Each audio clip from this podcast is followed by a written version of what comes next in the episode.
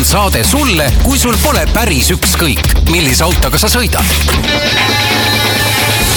autotunni toob teieni Enefit Volt, nutikas ja tulevikukindel elektriauto laadimine kodus, tööl ja teel.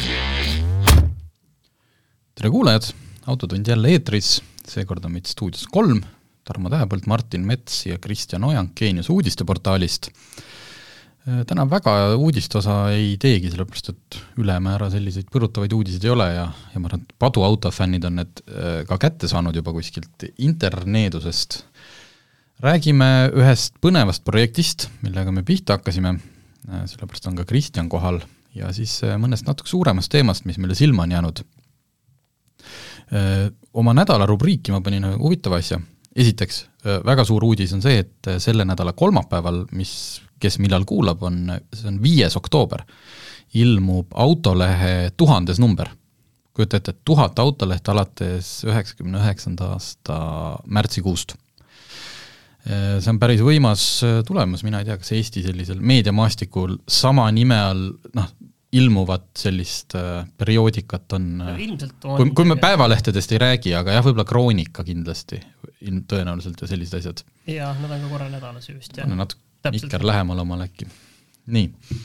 Äh,, igatahes äh, selle numbri ettevalmistamise raames äh, tutvusin siin üheksakümne üheksanda aasta esimeste autolehtedega ja ma leidsin sealt ühe nii geniaalse pealkirja, äh, te saate kohe aru, miks see, või noh, mitte geniaalne, vaid lihtsalt nii tore pealkiri, kirjutatakse juulikuus tuhat üheksasada üheksakümmend üheksa, et autoregistrikeskus on veapunktisüsteemi rakendamiseks valmis kui keegi teab, noh, enamik, kelle see ütleb, see tähendab seda, et kui sa mingit äh, valtskust teed liikluses, siis sa hakkad punkte saama, eks ju äh,. nagu on vist Inglismaal ja paljudes muudes riikides ja kui sul kõva skoori kokku kogud, siis hakkad karistusi saama, jääd seal lubadest ilma ja kõik, eks ju aga täna me tegelikult äh, nii heas seisus ei ole, sellepärast et viimased teated äh, veapunktisüsteemi kohta tulid umbes aasta tagasi, kui oli jutt, et jah, me töötame selle kallal, et valmis veel ei olda, et me olime veerand sajandit tagasi olime rohkem valmis selleks kui täna. just, ja selles loos, mis siin aasta tagasi ilmus, oli kirjas, et aastaks kaks tuhat kakskümmend viis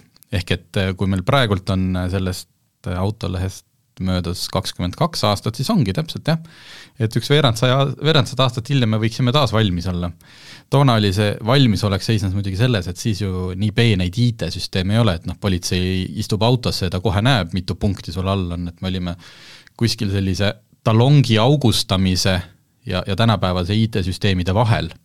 ja autoregistrikeskus ütles, et ei, et noh, seal oli küsimus, et kui palju tööjõuressurssi sellele kulub, kuidas see andmevahetus siis kõik käib, et äh, tore aga mille poolest see veapunktisüsteem erineb näiteks äh, praegu toimivast süsteemist, kus nagu korduvrikkumise puhul sulle nagu nii-öelda kangem karistus väänatakse, ehk et kui sul on nagu register puhas, nagu me teame, kui aasta aega äh, liikluses äh, lolli ei mängi mm -hmm. ja vahele ei jää, siis saad ilmselt ju kergema trahvi järgmise rikkumise eest kui see, kui sa ütleme, iga kuu mingisuguseid trahve maksad. siin on tegelikult see asi, et vaata, mingid asjad, mis sul ei lähe sinna kirja, näiteks seesama mobiilne kiiruskaamera, see sulle tegelikult ei lähe kirja, seal tuleb ju lihtsalt see trahviteade sulle ja see on ja. ju väärteo menetlus ja sa võid neid saada ükskõik kui palju, võib-olla politsei saab sulle selle musta kaardi, on ju, jõuludeks mm, -hmm. aga seal saadetakse ka retsimatele rohkem need, kui mitte niisama, et kakskümmend korda mobiilsesse kaamerasse sõidad, aga ongi, et kui sa sõidad nagu aasta jooksul ma ei tea, kümme korda sinna kaamerasse, siis tulevad sulle sealt ka punktid. aga oled sa kindel, aa, minu arust ma nagu mäletan, et need pisi, pisiasjad äh, ei pidanud ikka, aga lihtsalt noh,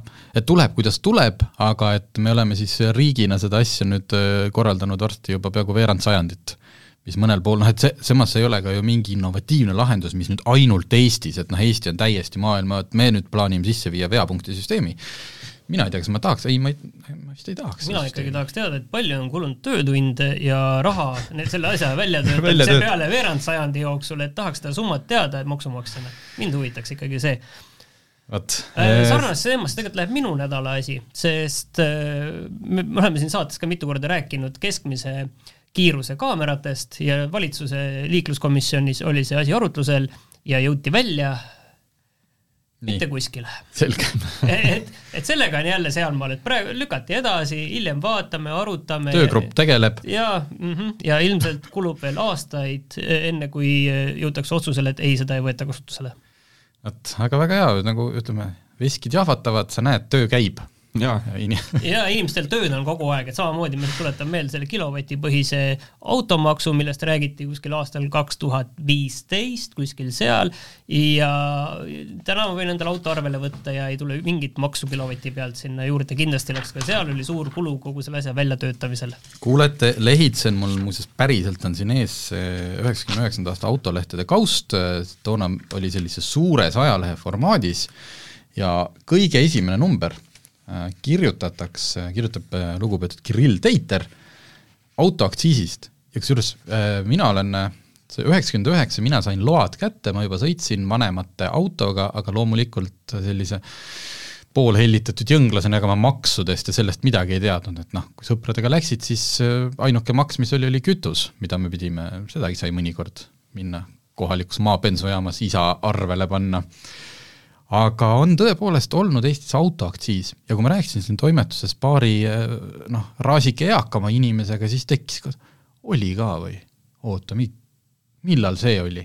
ja paljud nagu ei, eh, tõepoolest oli, eh, see lõpetati ära aastal kaks tuhat kolm, ma ei tea, milline valitsus toona oli, ei ole peas, küllap ta sai sellega palju hääli. ja jutt käis siis sissetoodavatest autodest ja seal olid ikka väga konkreetsed mootori mahu pealt, vanuse pealt, et tegelikult noh, kaudses mõttes meil on kunagi automaks olnud, ka keskkonna ja kõige, noh, Kirill Teiter siin muidugi ütleb, siin oli, teema on see, et muudetakse mingeid määrasid.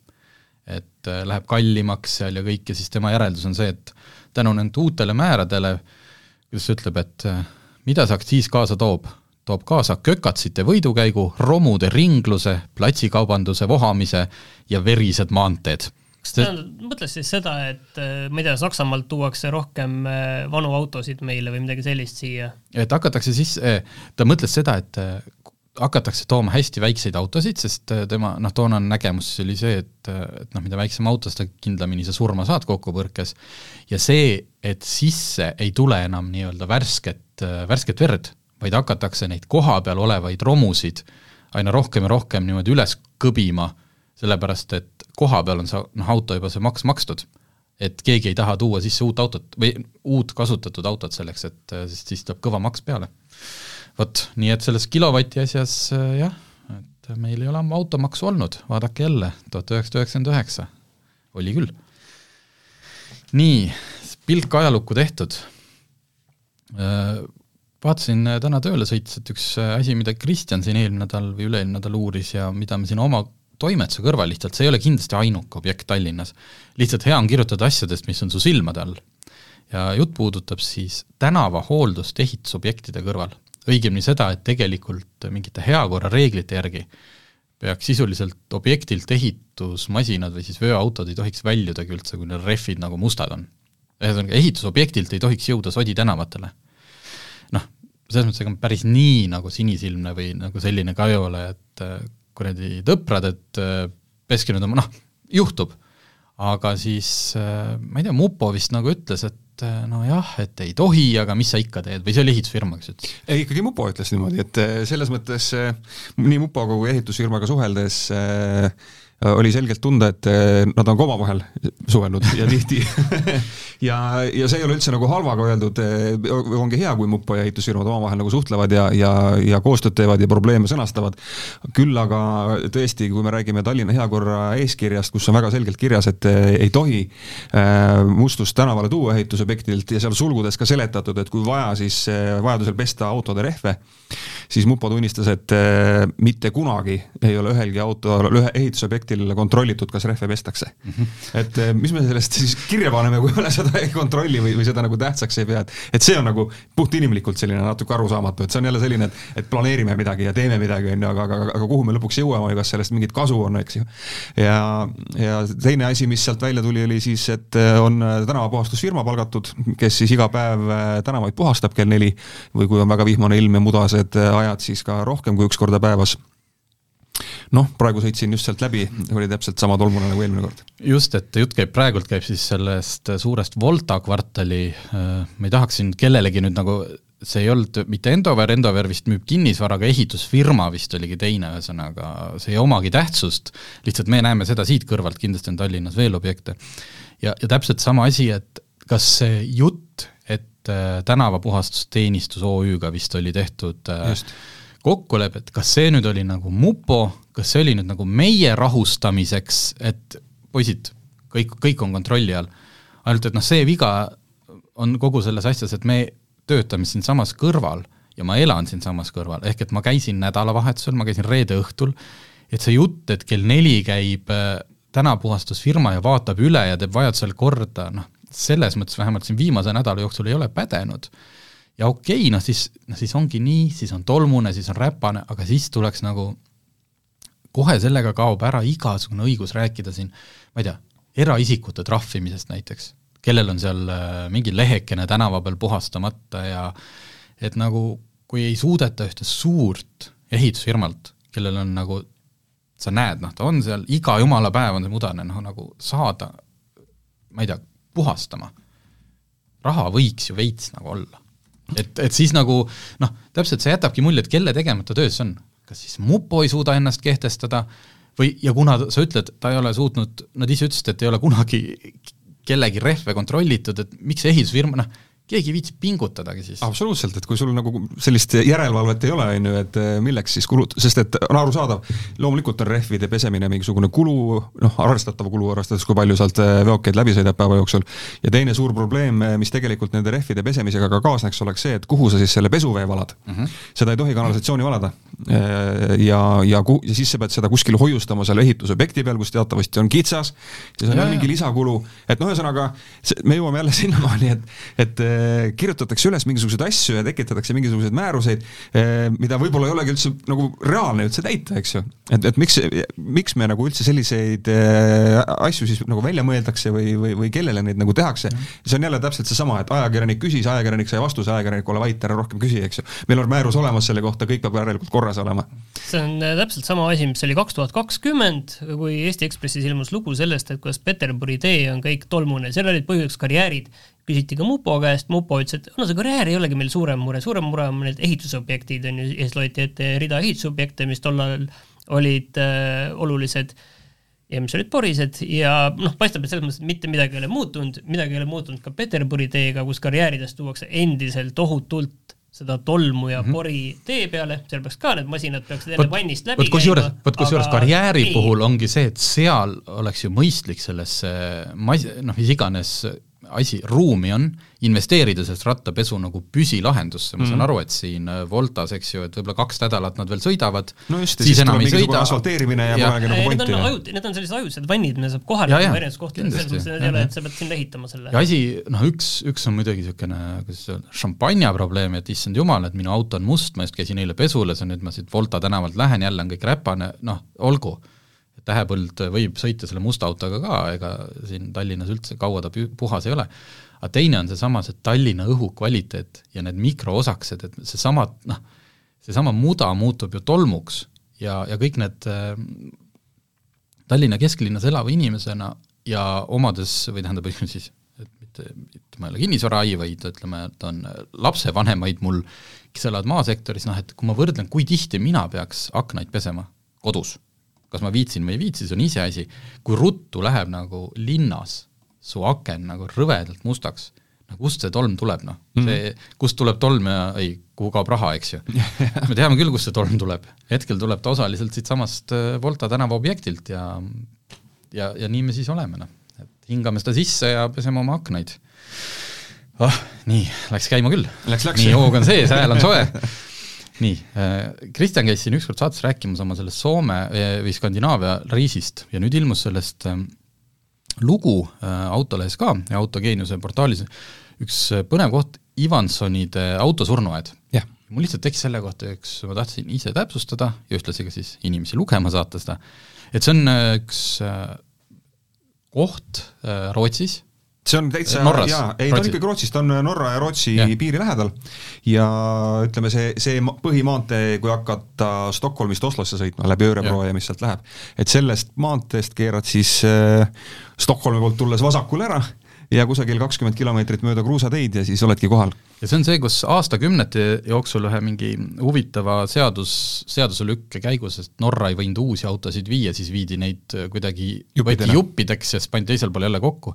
Aga ühesõnaga, praeguseks on see äri lõppenud aastakümneid juba ja seal on vist keegi ütles parematel aegadel küm-, tuhat kuni tuhat viissada autot või? jaa, niimoodi on kirjutatud jah, Rootsi väljaannetes, et eh, mida, mida me siis uurisime ja lugesime enne, kui ise kohale läksime, sest et praegu eh, on noh, suhteliselt raske neid autosid kokku lugeda, nad on nagu laial maa-alal, seal on üks karjamaa need autosid täis, siis on metsaalune neid autosid täis, paljudest autodest on puud läbi kasvanud, et, et noh, võib-olla ei leiagi üles enam neid kõiki autosid seal, aga see on olnud seal alates viiekümnendatest aastatest, see asi püsti, et eh, ikkagi noh, üle poole sajandi nagu kestvat, kuidas öelda siis, mädanemist mu küsimus siin oligi, et ta pikalt sellest uuesti ei räägiks, aga kui ma vaatasin neid pilte ja nüüd on küsimus, kui inimene, kes plaanib endal praegu Skandinaavia reisi, kas sinna minna tasuks pigem ikkagi nagu autohuvilisel, kes siis saab seal mängida, et mis auto on või ma saan aru, et seal oli isegi mingi perekond oli kuskilt ma ei tea, mingit Land Roverilt tükk ära kiskunud, et pidi maru haruldane olema. jaa, mingit Volkswagen põrnikat seal jah, rapiti.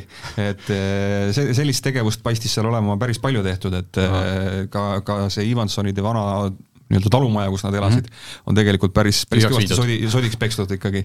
ja, sellises et no Rootsis, eks ole, heaolumaa, et kuidas niisugune asi juhtub, see ei ole mingisugune Ida-Virumaa, vabandust, aga, aga et kuidas sellised asjad juhtuvad, aga näed, juhtuvad. just, või, või see on pigem niisugune äh, ka selline kuidas ma ütlen, kunstiprojekt, et kõik, kõik kunst. fotograafid saaksid sinna minna ja pildistada kaduvikku, igavikku. on selline maailmalõpu neid ja düstoopilist. filme saab seal teha. just, just, just. ma, ma liigut-, liigitaks ka nagu sellise elamusreisi juurde, et noh, et see on seesama, nagu sa lähed, ma ei tea, mõnda maa-alust punkrit näiteks mm, -hmm. lähed, lähed ekskursioonile või või, või lähed mingisugusesse vanasse vanglasse ekskursioonile, et on ikkagi selline, selline maailmalõpu tunne on väga, väga täpselt öeldud, et see, see nagu natukene tekib seal.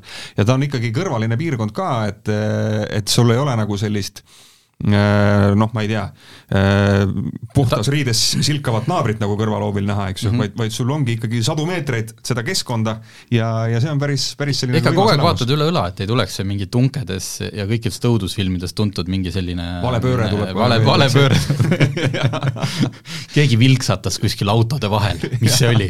ja, ja, ja täpselt selline koht ongi. hunt veab kuskil mingit kätt niimoodi.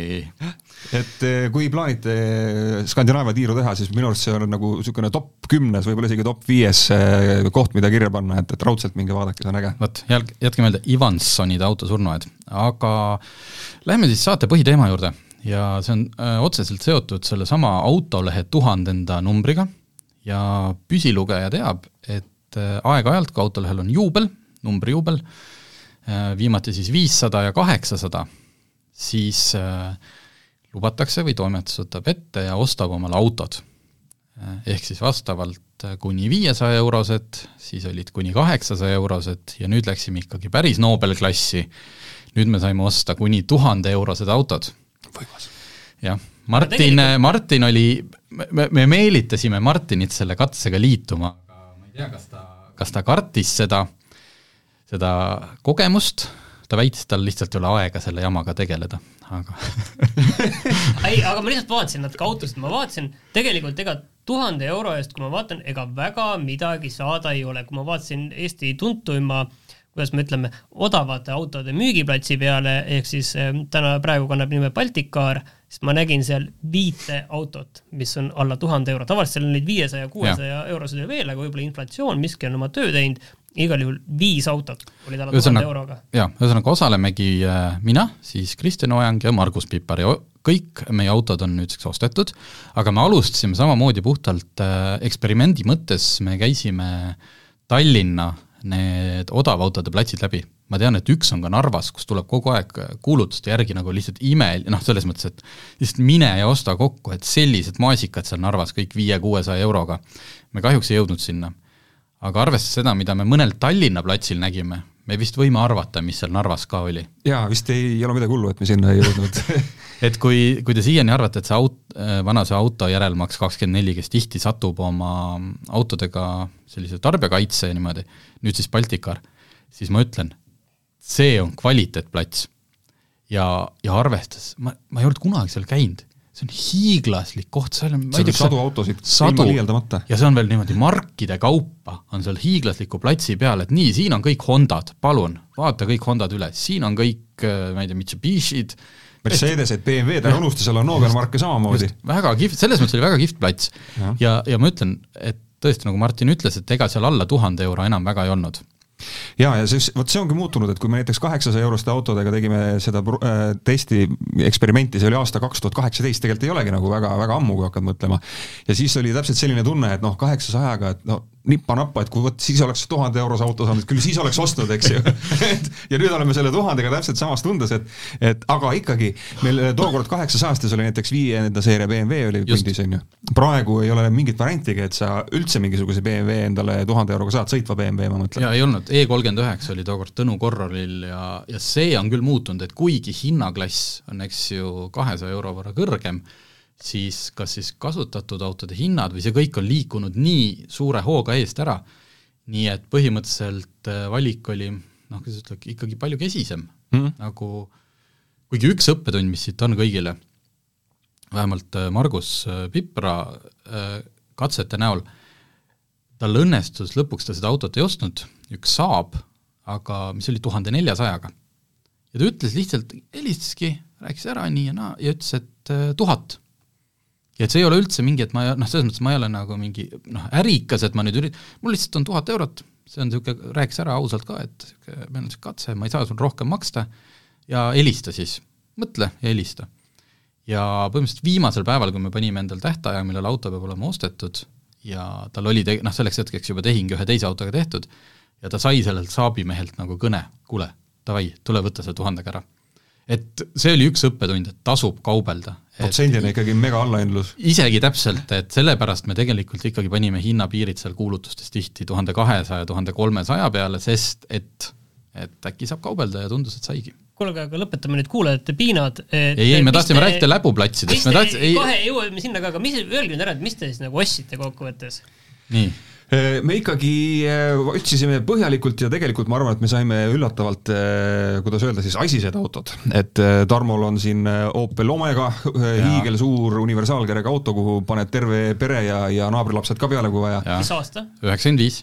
jah, mina leidsin endale äh, rahvaauto, eestlaste kauaaegse lemmiku Toyota Corolla aastast üheksakümmend kuus ja, ja kusjuures üllatavalt terve auto veel selles mõttes, et selle, selle ajastu Jaapani autod kipuvad ju kõik ju nii-öelda ära roostetama, et, et ei ole sul enam kohta, kus päike läbi ei paista, siis eh, ostuhetkel vähemalt läbivat roostet ei täheldanud. aga jah, ühesõnaga see on ja kolmas auto? kolmas auto, eh, ma ei tahaks sündmustest ette rutata, eh, kuna tegemist on ikkagi mõnes mõttes väikse võistlusega, sest me et see kõik ei lõppe nagu Top Gearis, et me ei sõida neid kuskil rajal lõpuks puruks, ei viska klaverit peale, me peame need lõpuks kevadel ka maha müüma ja, ja noh, võimalikult suure summa eest. ja ühesõnaga, kui, kui nüüd Margus Pipral just ei juhtu, tema ostis Volvo S kuuekümne, kaks tuhat üks aasta, mingit sellist väga Volvolikku jama, sest ma tean, et tal on kunagi olnud mingi Volvo, mille tagauste lukud maksid kaheksasada euri. lukud maksid kaheksasada euri, et kui ühesõnaga, Margus sai Rootsi saatkonna ajalooga Volvo S kuuekümne, millel oli jah, tiibade peal natuke roostet siin-seal, aga sisuliselt noh, manuaalkast, kõigil on meil manuaalkastiga autod, see on ilmselt üks märk, ja ma arvan, et me mit-, noh, diis-, ükski diiselmootoriga auto ei olnud vist kordagi kellelgi nagu reaalselt valikus, et seda ikkagi alla tuhande euro piiris ei julgeks. bensiinimootorid, manuaalkastid kõigil.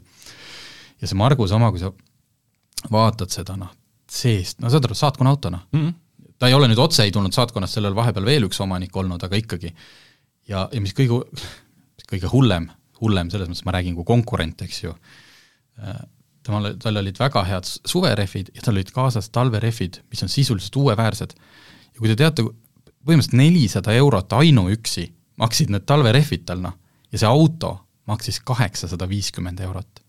täiesti niisugune rida viis bensiinimootor, et mul lihtsalt nagu käed kukuvad rüppe, et noh, ma tean inimesi, kellel on, kellel on nagu talvejope ka kallim ja mitte sellepärast, et seal peal on noh, mingi ma ei tea, kuldkard ja mingi Kanye Westi nimi, vaid lihtsalt väga hea talvejope või kahe tuhandendate aastate Volvo S kuuskümmend ideaalse ajalooga.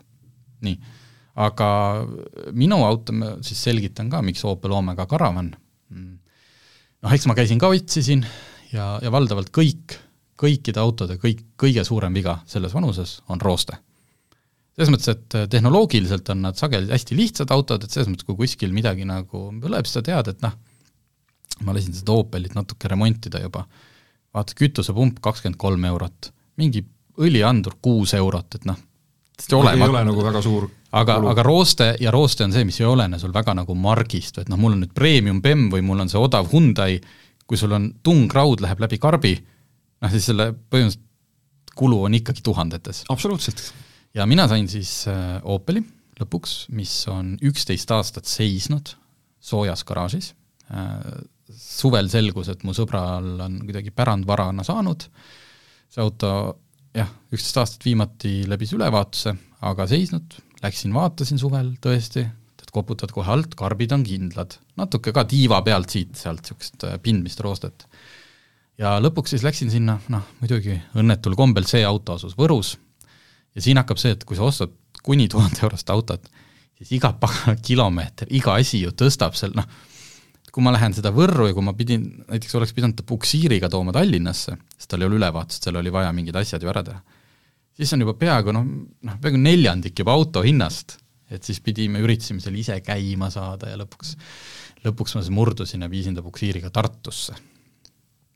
ja sain korda ja ütleme noh, peaaegu siis, no ütleme, selle auto hind ongi nüüd tuhat eurot, aga ta on äh, värskelt läbinud ülevaatuse, äh, pidurid, piduri seal, piduritorustikku natukene asendati, noh, tipp-topp.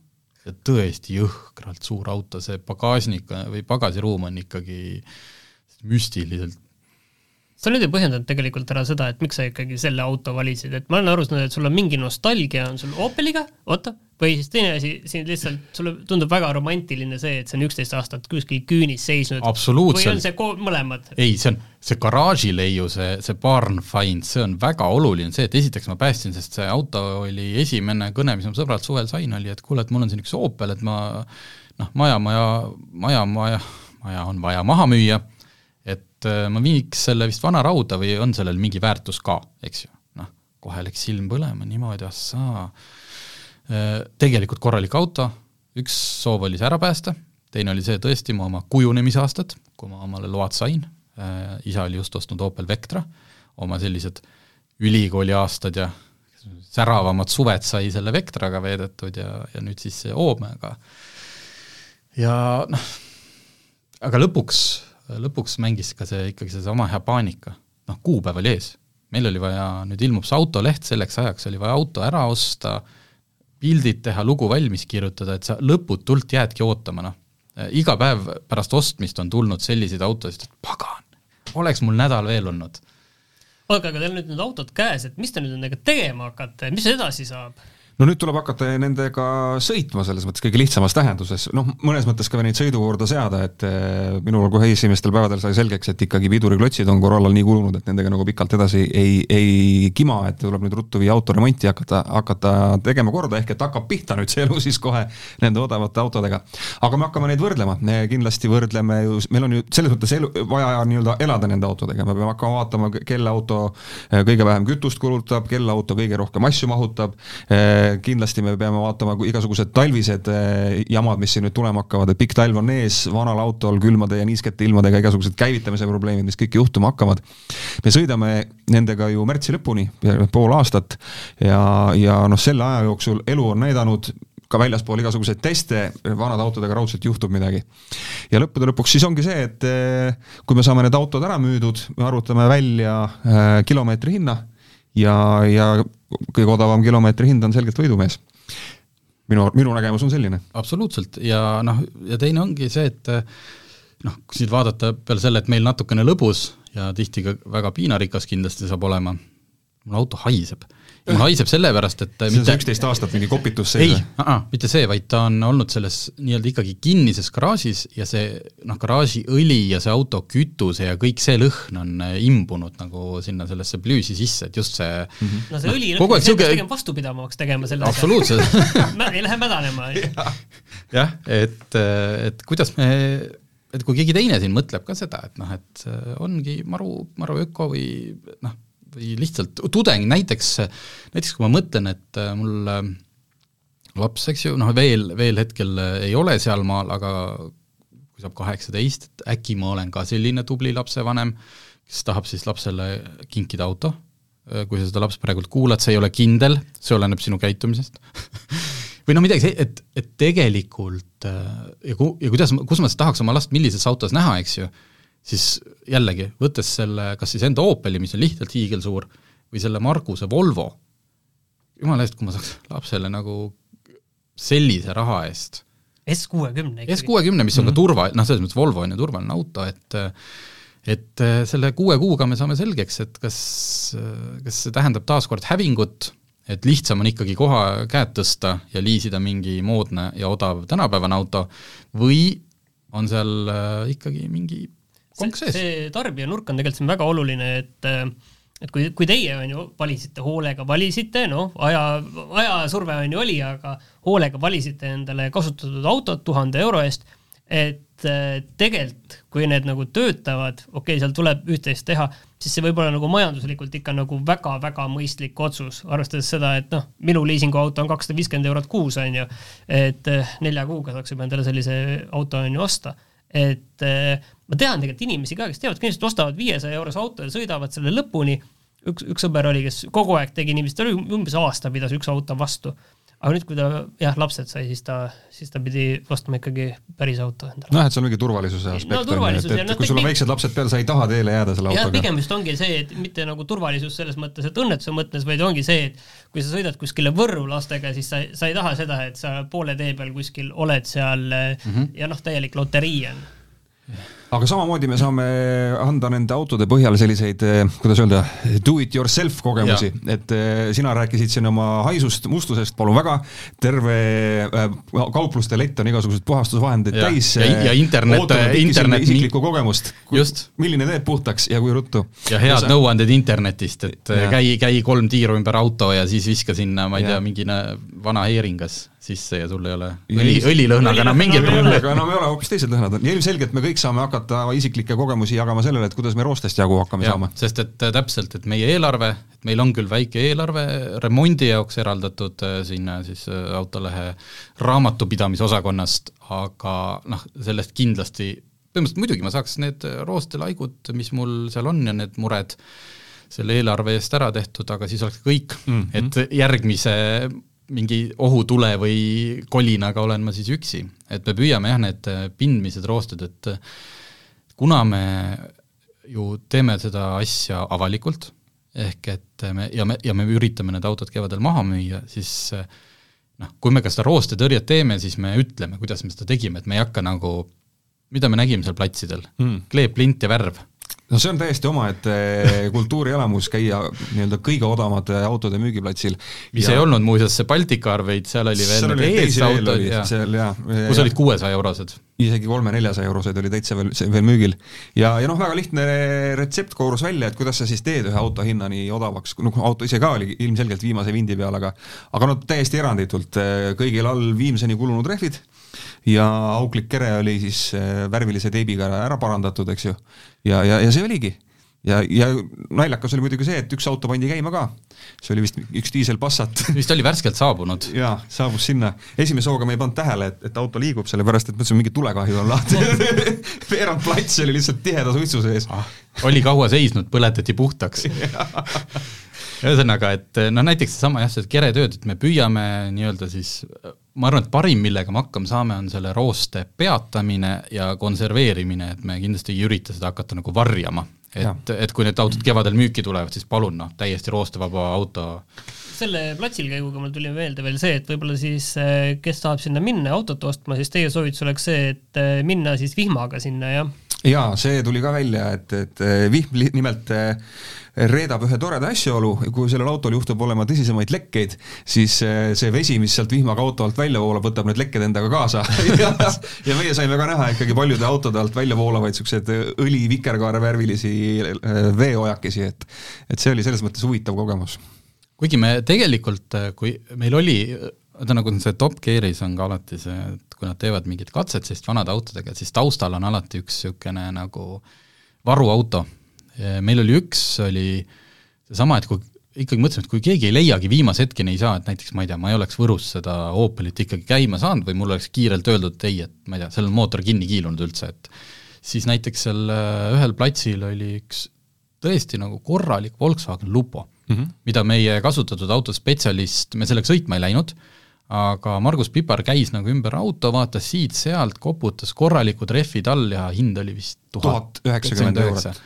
et oleks tegelikult küll ja selle tuhande peale ma arvan, oleks ära kaubelnud. ja oleks, selle oleks võinud täitsa võtta, et seal oli nagu äh, tegelikult autosid, mida täitsa võiks kaaluda. võib-olla tõesti, paned käima, saad aru, et kuskil kolks on mootoris või kõik, kõik nagu ohutuled põlevad või märgutuled, noh siis ei oleks ostnud mm. -hmm. aga täitsa seal paar potentsiaalikat oli, millega seigelda nojah, ilmselgelt eh, igasugused eh, juhtumid eh, Tarbijakaitseametiga ja, ja, ja nüüd ka töötajate nii-öelda elukogemus on viinud selleni, et meil ei hakatud mingisugust nii-öelda udu puhu, puhuma seal müügimeeste poolt, et väga, väga selgelt öeldi välja, et, et jah, need autod ongi odavad, nendel ongi vigu ja, ja ega siin kindlasti võib esimestel nädalatel välja tulla neid vigu, mida me siin praegu isegi ei tea ja ei näe, et et selles mõttes ei saaks öelda, et see nagu täiesti nagu mülgas on ja vältige sada protsenti, aga, aga noh, ei maksa illusioone luua, et tuhande euroga endale Mercedes Mercedest osta ei ole mõtet. minu autol ei tule mingeid vigu, ma tulin sellega Tartust, mööda kiirteed, noh, sõitis nagu kulda, vaikselt, otse muidugi naljakas on see üheksakümnendate see, et mu autol on noh,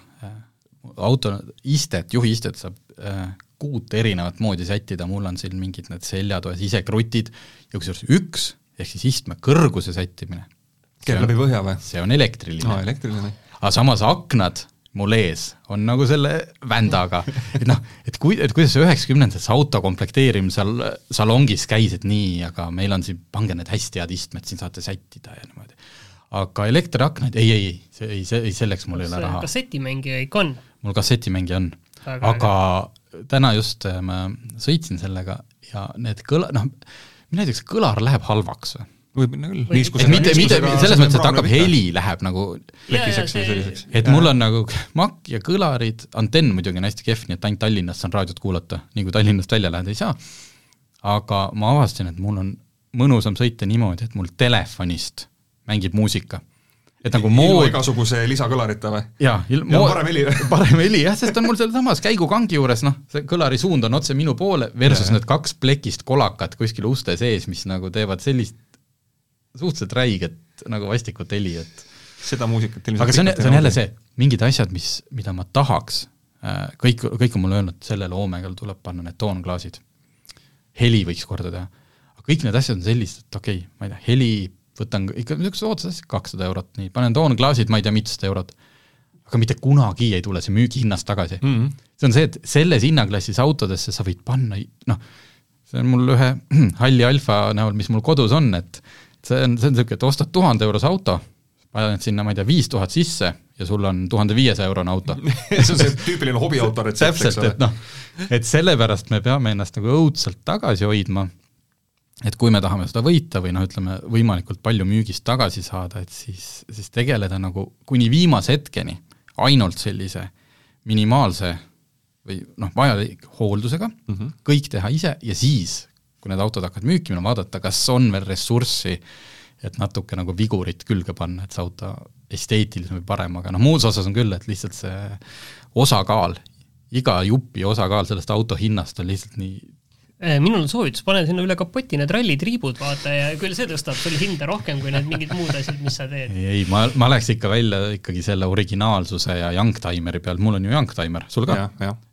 Jah Pipra, Pipral ei ole nii, et selles mõttes me võidame ikkagi, youngtimerite arvestuses on Pipar juba pähe saanud. seal tal ei ole variantigi, aga, aga ses mõttes, et eh, selle müümisega võib tegelikult valusaks minna, minul on väga hästi meeles eelmine teist kaheksasaja eurostega, kus ma osalesin Volvoga ka, küll mitte nii uhkega kui Margusel praegu on, aga oli see V nelikümmend. ja, ja no täpselt sama, et noh, mis saab, mis saab siis ühe luksusauto vastu, on ju ja lõpuks oli niimoodi, et eh, see auto müüdi ära vist neljasaja kolmekümne euroga või midagi sellist, et et see, see võib, meie praegune hea tuju võib eh, saada päris kõvasti rikutud, kui me neid autosid päriselt müüma hakkame, et sinul oli toona vist see, et oli täitsa timmauto või noh, ta ei olnud väga hea auto, aga siis ma saan aru, et üks, üks ajakirjanik kuskil lumevalli pani jäärajasõidul. väljaspoolt arvestust tuli üks külalisajakirjanik ja kes jäärajal siis proovis seda Volvot ja, ja läks vähe uljaks jäärajale siis ei lähe seekord jäärajale ei lähe. Lähme, lähme, lähme, kuule, mul on manuaal kastiga tagaveol. Mul... sul oleks muidugi vaja minna. ma saaks ainult tagurdada seal, mul on esiveoline. Vot, et selline, selline asi on siis ees, jälgige äh, autogeeniuse portaalis, lugege Autolehte ja kolmapäeval, viiendal oktoobril kindlasti tormake kõik ajaleheputkast, sest et seal, seal numbris on, äh, me oleme päris palju vaadanud nagu ajalukku, aga mitte sellised vanamehed heietavad, vaid ikkagi vaadanud, mis oli aktuaalne üheksakümmend üheksa aastal, millised olid autohinnad mm, -hmm. Kristjan tegi loo, ärme seda praegult hakka siin spoilerdama, sest siis äh, on põhjus inimestel rohkem osta ja lugeda, aga teeme siis siinkohal tänaseks, sõlmime otsad kokku, aitäh, et tulite! Autotunni toob teieni Enefit Volt, nutikas ja tulevikukindel elektriauto laadimine kodus, tööl ja teel